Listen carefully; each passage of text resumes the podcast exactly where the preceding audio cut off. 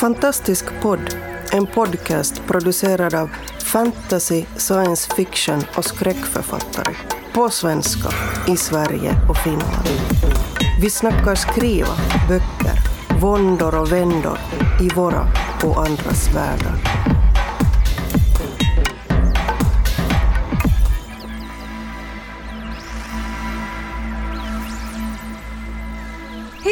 Och välkomna till Västkustgruppen och Fantastisk podd.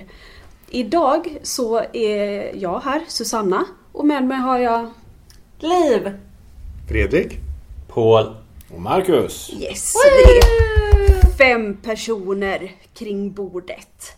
Ehm, och idag ska vi prata lite böcker. Igen. Det gjorde vi ju faktiskt förra gången. Det var vi också. Vi älskar böcker så vi... Ja, så vi är bra på det. Ehm, den boken jag har med mig och har inspirerats av är Mannen under trappan av Marie Hermansson. Och jag tänker bara göra en snabb eh, frågerunda. Är det någon runt bordet som har läst den? Är det han Harry Potter? Ja, man kan tro det. Eh, Annars har jag inte läst den. uppföljaren till Harry Potter. Men det var någon tv-serie på den för några år sedan. Den såg jag, men jag har inte läst boken. Mm, med Jonas Karlsson. Ja, just det. Ja, är det den? Den Ja. blir jag tjatad på att se av alla människor jag träffar nästan. Ja, Nej, men typ tre pers jag känner. Gjorde du det?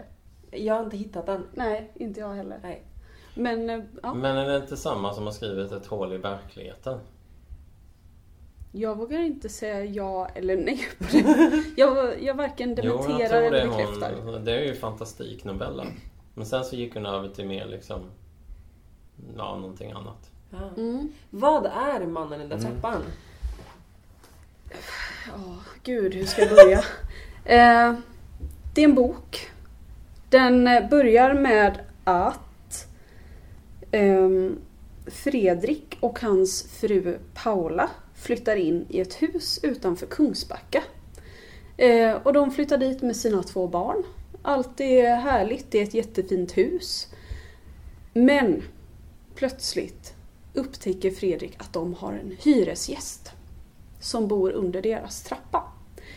Eh, Och bara det är ju jättekonstigt men det är fortfarande inte fantastik kan man tycka.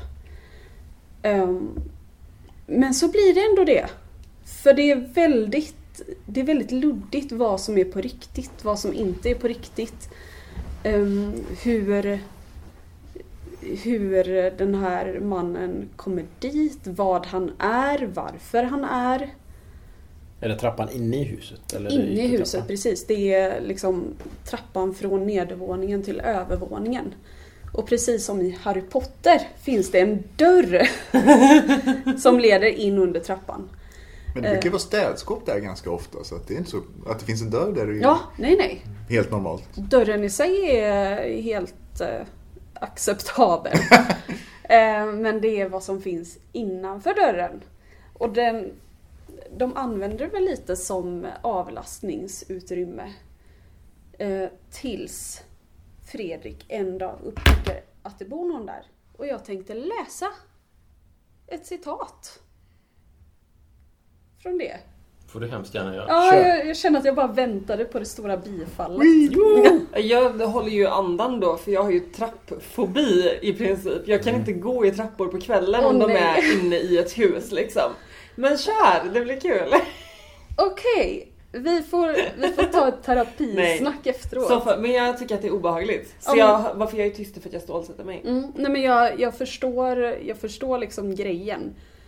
För få saker, du kanske vill hålla för öronen Nej. nu Liv. Få saker är ju värre än att gå upp för en trappa som har hål mellan trappstegen. Och bara tänka, tänk om någon tar tag i mitt ben nu. Mm. Det tycker jag är jobbigt. I alla fall. Det här eh, citatet utspelar sig mitt i natten.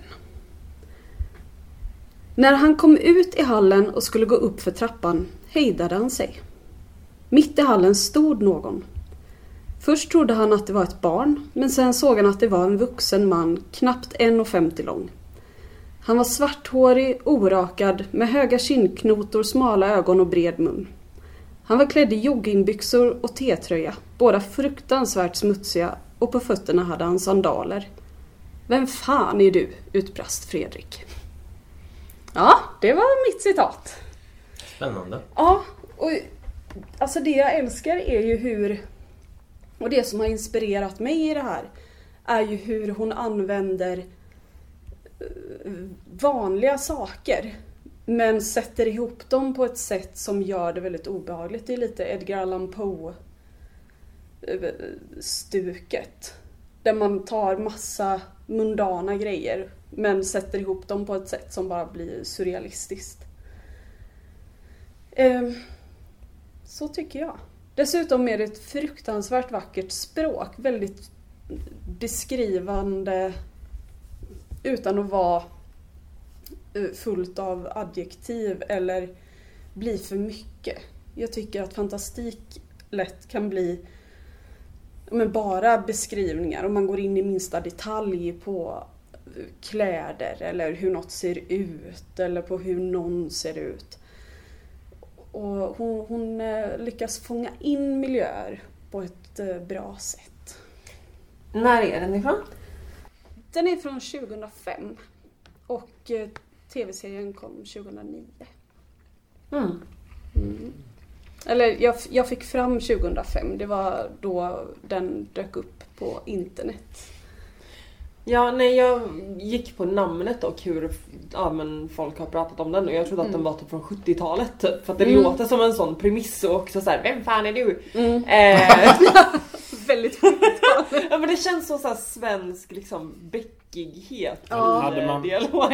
Hade man reagerat så? Jag är fan nitad människa när det dyker upp någon i mitt hus tror jag. Men Vem är du? Jag hade Grejen- nog bara sprungit någonstans tror jag. grejen med den här huvudpersonen Fredrik, det är att han har någon slags sömnrubbning som gör att han vaknar ofta mitt i natten och då befinner han sig i något sånt här mellanläge. Så han vet inte riktigt om han sover eller är vaken. Och därför tror jag att han reagerar mer drömskt på det här. Och det är också något som adderar till fantastikkänslan. Att ja, läsaren vet inte riktigt vad som händer. Han vet inte riktigt vad som händer. Men är det bara han i familjen som ser den här människan? Ja. Ja. Eller det vill du inte säga? Eh, ja, jag, jag tror inte det. Det är, som sagt, det är en väldigt eh, surrealistisk känsla man får. Och grejen med den här, när jag hade läst klart den första gången, då dröjde sig kvar en känsla som var något av det obehagligaste jag har känt. För den, den är inte splattrig. Men känslan som låg kvar efter sista sidan, det var så här, fan ingenting känns bra. Men det här är en konversation jag hade med en kompis häromdagen.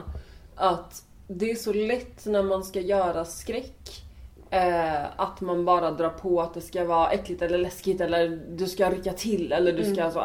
Men det coolaste som skräck har, det är känslan av att någonting ligger fel. Ja. Bara i verkligheten. Mm. Och att det gör en olustig lustig typ. Ja. Och det är det som gör att man har svårt att somna och det är det som gör att man tänker på någonting läskigt i flera, flera dagar. Mm. Så det behöver inte vara jättemycket för att det ska ha en stor effekt. Mm. Nej men exakt så är det. Eh, och jag älskar det. Nice. Men det är ju inte bara jag som läser böcker kring det här bordet. Fredrik, du har ju också läst. Jag undrar lite vad har du lärt dig liksom av den sådär? Åh, gud. Hur, Du har ju sagt flera bra grejer här liksom att eh, det är efterföljande känslan och språket och sånt där. Men vad, vad tänker du själv att du liksom har tagit till dig av Ja det? men det, det är nog främst det. Mm. Alltså hur man bygger upp en känsla utan att kasta det i ansiktet på Mm. folk. Ja, okej. Eh, hur man beskriver någonting utförligt utan att eh, peppra med eh, adjektiv eller detaljer. Mm. Mm. Eh, Jag vill säga någon liten grej. Jag kollade upp nu. Det är den Marie Hermansson som har skrivit Det finns ett hål i verkligheten. Det var en väldigt bra sån här fantastiknovellsamling som kom ut 1986 som jag läste väl typ då. Så det är bland annat det är någon bebis som föds och kan prata och berätta om sina tidigare liv eller någonting sånt i den stilen. för mig. Det är sådana där konstiga grejer. Mm. Men jag vet att jag läste sen någon artikel där hon skrev att nu har jag skrivit en verklig bok som bara handlar om verkliga saker. Det måste ju vara mycket bättre än att beskriva den så här där det, hittar, det liksom är sådana här saker som hittar på.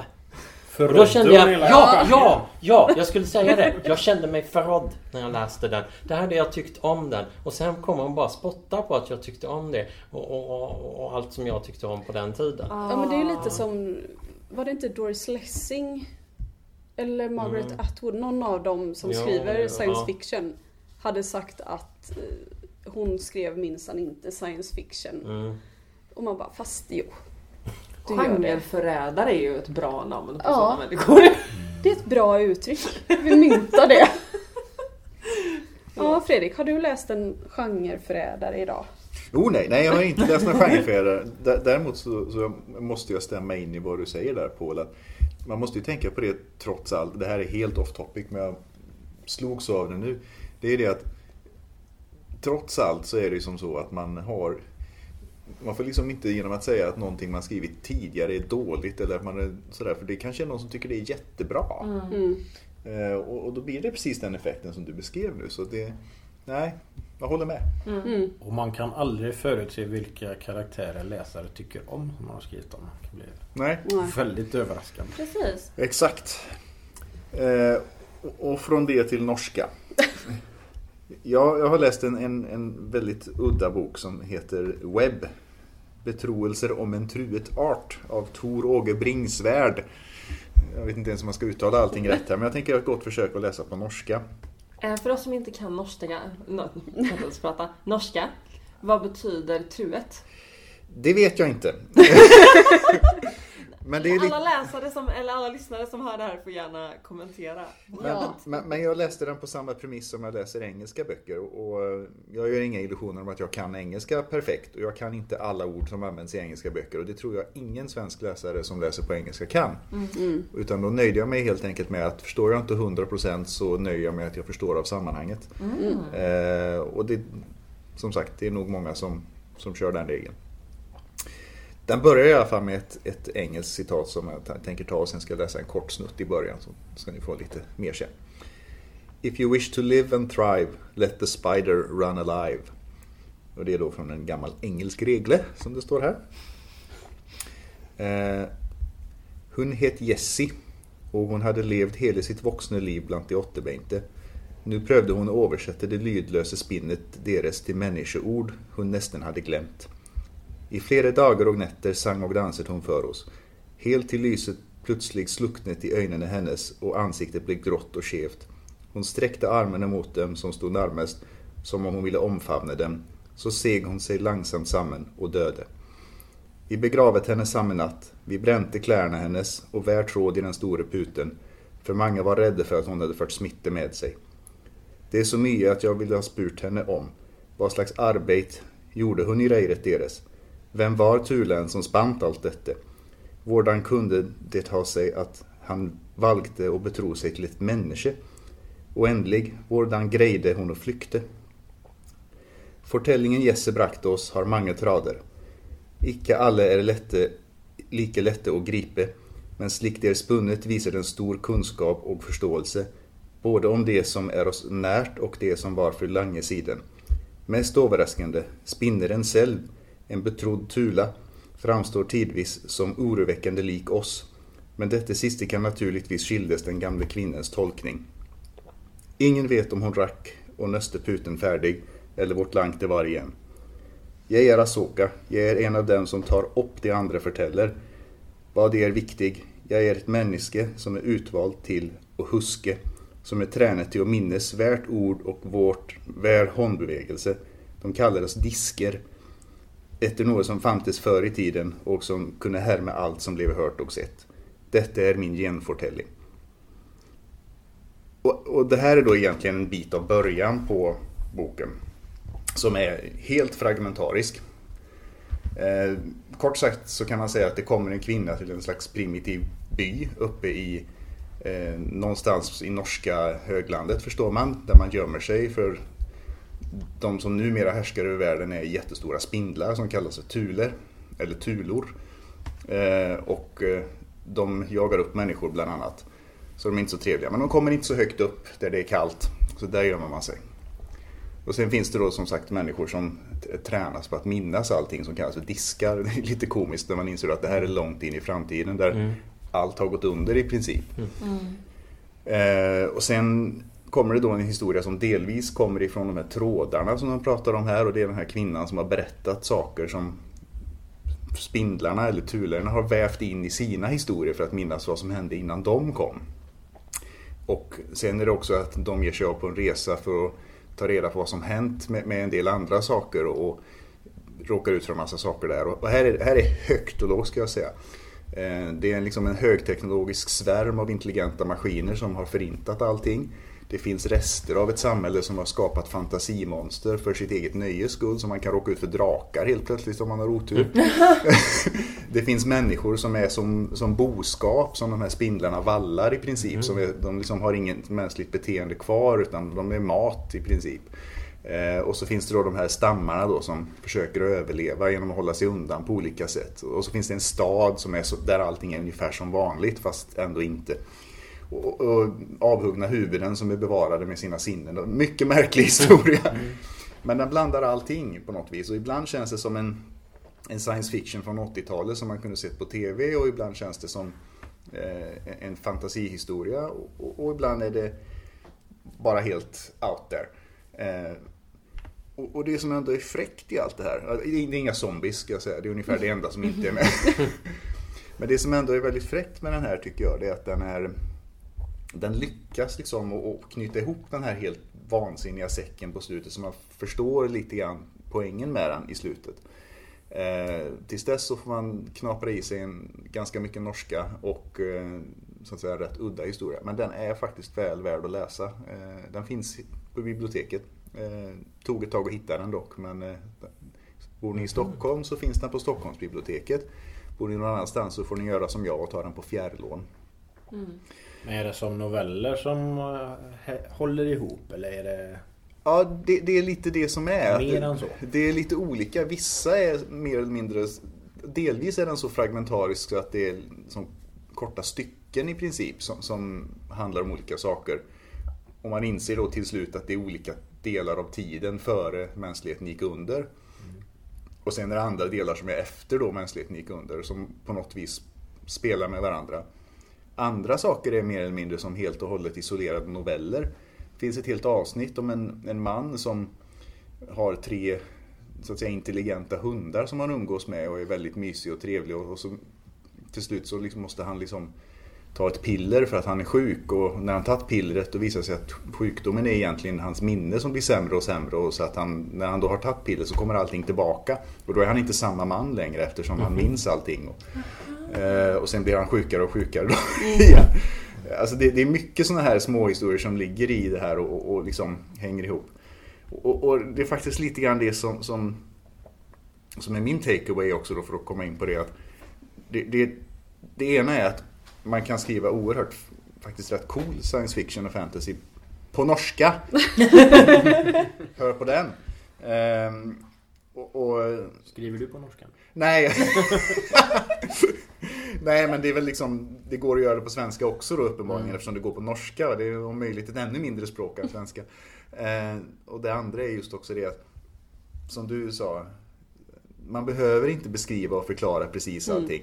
Man fattar ingenting i början på den här boken. Och, och rätt långt in förstår man fortfarande ingenting innan man börjar förstå hur det hela hänger ihop. Och, och då blir det liksom faktiskt fräckare och fräckare när man inser var allt det här klossar in i varandra.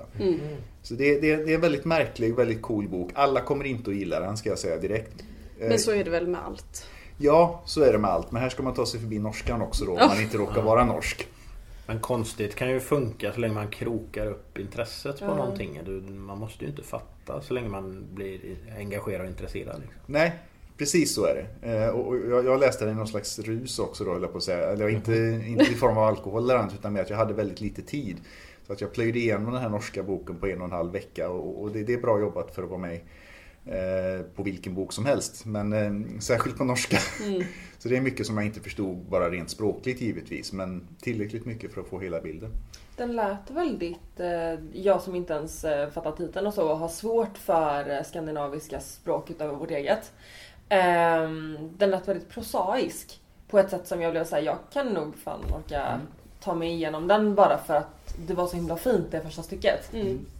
Ja, det finns stycken innan där också ska jag säga. Det där är i första kapitlet men inte det allra första för då hade det blivit för långt. Det var på gränsen till för långt det jag läste ändå. Hur hittar du den här då?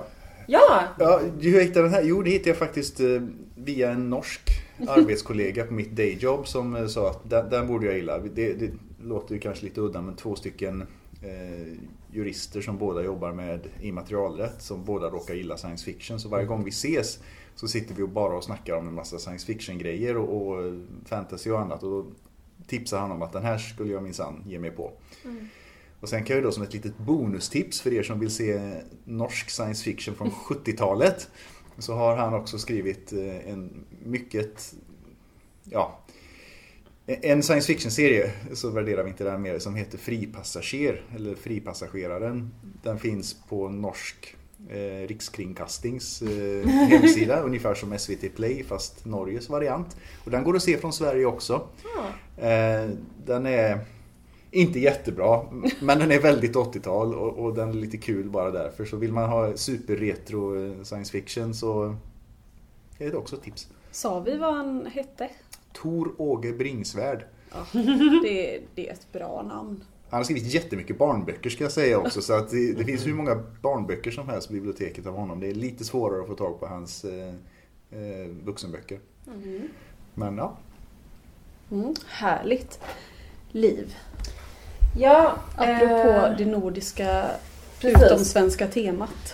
Apropå Skandinavien. Jag ansträngde mig ju då för jag tänkte jag ska ta med en svensk bok, det känns bra. Och så tog jag en bok som jag läste när jag var i mina tidiga tonår. Och så såg jag när Fredrik sa att hans bok var norsk, att min är från Danmark. Men den är svenska eh, Och den här boken heter då Smärtbäraren och är skriven av Åsa Nilssonne. Och den gulliga backstoryn till den här är att jag hade en period när jag var yngre, när jag inte mådde så bra. Det har vi alla haft liksom.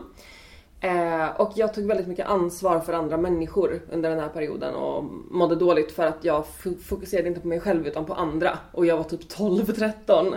Så min mamma var väldigt orolig för mig då. Och i ett försök att få mig att börja fokusera inåt så köpte hon den här boken till mig.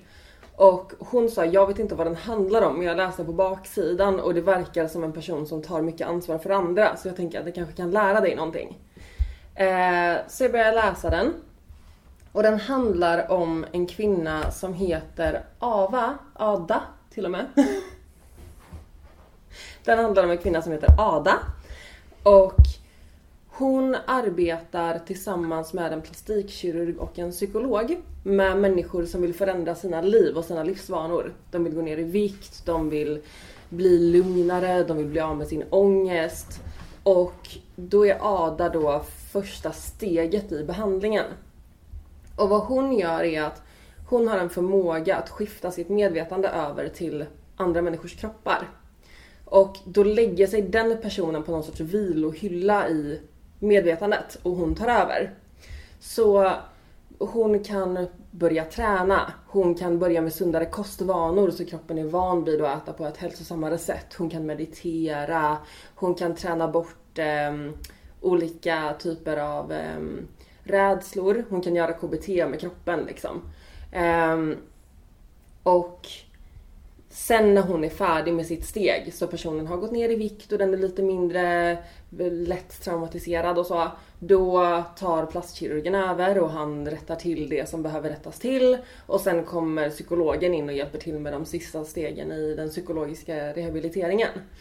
Ehm, och vad som händer i den här boken det är att hon hamnar i en kropp som låtsas behöva den här hjälpen. Men har egentligen ett annat problem. Eh, så vad hon märker under behandlingens gång det är att kroppen bär på olika typer av rädslor. Och hon förstår inte vart rädslorna kommer ifrån och försöker leta efter vad det är som skrämmer den här personen. Eh, och det visar sig att kvinnan som hon liksom besitter är jagad av någon. Och hon vet inte vem och varför. Och när hon försöker att avbryta behandlingen och liksom switcha tillbaka medvetandet, då hittar hon inte kvinnan. Hon är liksom borta, så hon är Oj. fast i den här kroppen. Eh, den är superspännande. Eh, och den är... Jag tycker att den är väldigt bra. Den är ganska kort också. Den är 160-ish sidor. 150. Um, ehm, och den berättar egentligen bara historien i dagboksform. Så det är liksom det här är första dagen i kroppen, det här är andra dagen. Eh, och det är väldigt mycket utifrån henne själv. Och vad jag gillar är att jag gillar ju brist, alltså huvudpersonen med brister. Och den här kvinnan är inte jätteempatisk i början. Eh, men allt eftersom hon sitter i den här kroppen så växer det fram någon sorts medkänsla för kroppen. Eh, och det tycker jag är väldigt fint. Eh, och om jag får så tänkte jag läsa absolut första sidan i den här. För jag tycker bara att den säger någonting Dels om den formen av realism som det känns som att boken ändå vill ha. Och också om karaktärerna och vilken utveckling som kommer sen. Eh, då går början så här. Hon sitter orörlig på trottoaren med en tunn hand framsträckt mot de förbipasserande.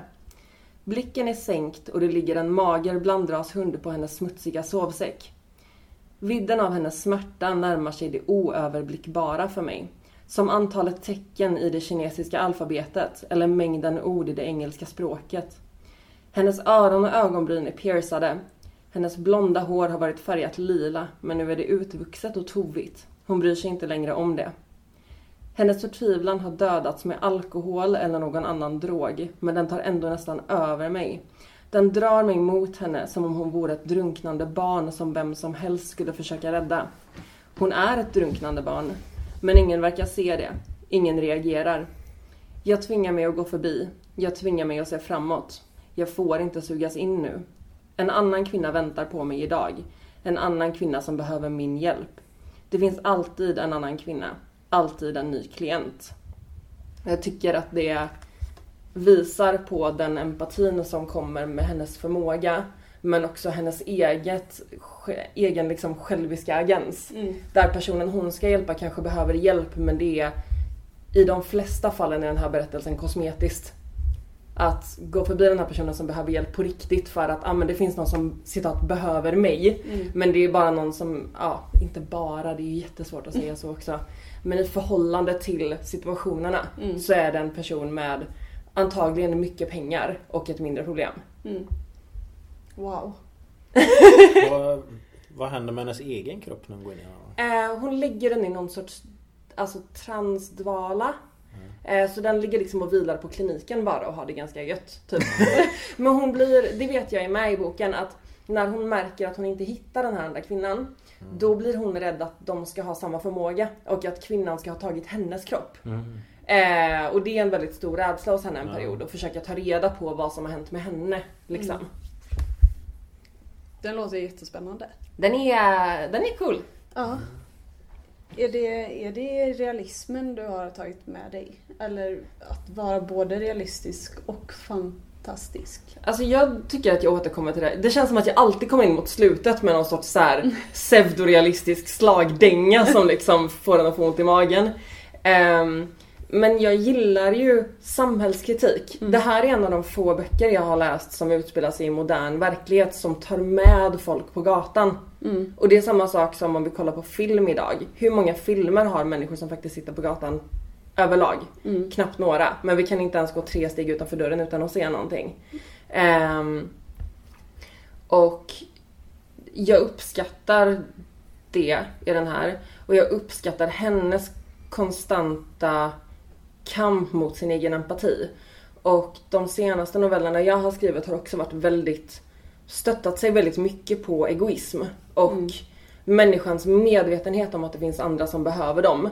Men också deras totala brist på att orka ta sig för det. Mm. Eh, och det är... Jag, gör, alltså, jag tror ju att människor kan göra fina saker men vi har så stora problem i samhället idag att jag ibland kan behöva få ur mig frustrationen över det här stillaståendet som många har för sig också. Eh, och då tycker jag om när jag ser att andra författare gör samma sak, att man på något sätt skriver för att bearbeta det här med att vi inte... Vi förs- ja, Mm. som samhälle någonstans så, har vi, så misslyckas vi ju med att finnas där för varandra och trösta varandra, få varandra att må bättre. Mm. Och, och få planeten att må bättre och allting. Och ehm, ja, då är det terapeutiskt för mig att läsa författare med samma ståndpunkt lite som Mm. Ja, och sen kan man ta historien därifrån vart som helst. Den här karaktären växer ju väldigt mycket. Ehm, och kommer till termer med saker i sitt liv liksom som är... Och det är fint att få hjälp Mm. utifrån liksom. Men jag tycker att det är fint att erkänna den här totala avsaknaden av... Jag vet inte ens vad det är. Att liksom, jag vill hjälpa till men för att passa in så måste jag göra på det här sättet. Och jag prioriterar ju någonstans att passa in. Mm. Liksom. Och det är ju jag också som sitter här och slänger ur mig det här. Mm. ja, absolut. Hon har ju en lite annan eh, karriär också, eller, eller inriktning. Hon är ju hon som började rätt mycket med mindfulness, alltså Åsa Nilssonne. Ja, det är hon! Så hon, det var ju något sånt hon kallade för medveten närvaro då. Ja. Innan det, och det var ganska okej. Jag läste någon av de böckerna. Mm. Så innan det här blev, det blev liksom någon så här quick fix som ska lösa all världens problem. Utan Mm. bara en, det var bara ett, liksom ett redskap som man kunde använda då. Ja, men Mm. precis. Liksom. Ja, Det visste inte jag, tack. Coolt. Ja, men jag tyckte jag det, kände igen det där. Ja. ja, det känns ju som en koppling till boken. Ja, den här är ju väldigt mycket så. Det är mycket vad hon gör med kroppen också. Att Mm. innan hon går och lägger sig varje kväll i en ny kropp så lägger hon sig och känner igenom kroppen och gör avslappningsövningar. För att märka vart rädslan sitter. Och hon beskriver kroppens känslor på ett sätt som jag inte är van vid att läsa heller. Att det verkligen är så här.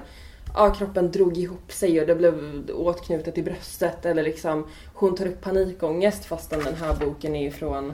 När är den ifrån? Vänta. eh, ja, det är ändå 2002. Men det är ju, idag pratar man vitt och brett om panikångest som problem. Men jag vet att när det uppkom som diagnos under den här perioden så var det fortfarande något som inte så många kände till. Mm. Liksom. Eh, så jag tycker att den är väldigt fin för den skapar också en känsla av att ja, men ta hand om sig själv på något vänster. Mm. Coolt. Ja. Lyssnare, så kan det vara. Ta hand om er. Men det så vill vi säga, kör försiktigt. Gå inte i mörka gränder. Var snälla mot varandra. Och kom tillbaka nästa vecka. Och titta under trappan. Om ni känner för det. Vi lämnar det öppet. Eller bara titta inte och ställ någonting för dörren. Ja, ställ något för dörren. Hej då! Hej då. Du har lyssnat på Fantastisk podd. Om du trivdes i vårt fantastiska poddsällskap och vill ha mer så hittar du äldre poddar och information om oss som deltar på vår hemsida under fantastiskpodd.se och på vår Facebook-sida Fantastisk podd. Har du frågor eller förslag på vad du tycker att vi ska tala om, hör gärna av dig antingen på Facebook eller via kommentarer på hemsidan. Vi hörs! Tänk att vi klipper bort den här pausen. Ehm, Det gör inget att jag dansar nej,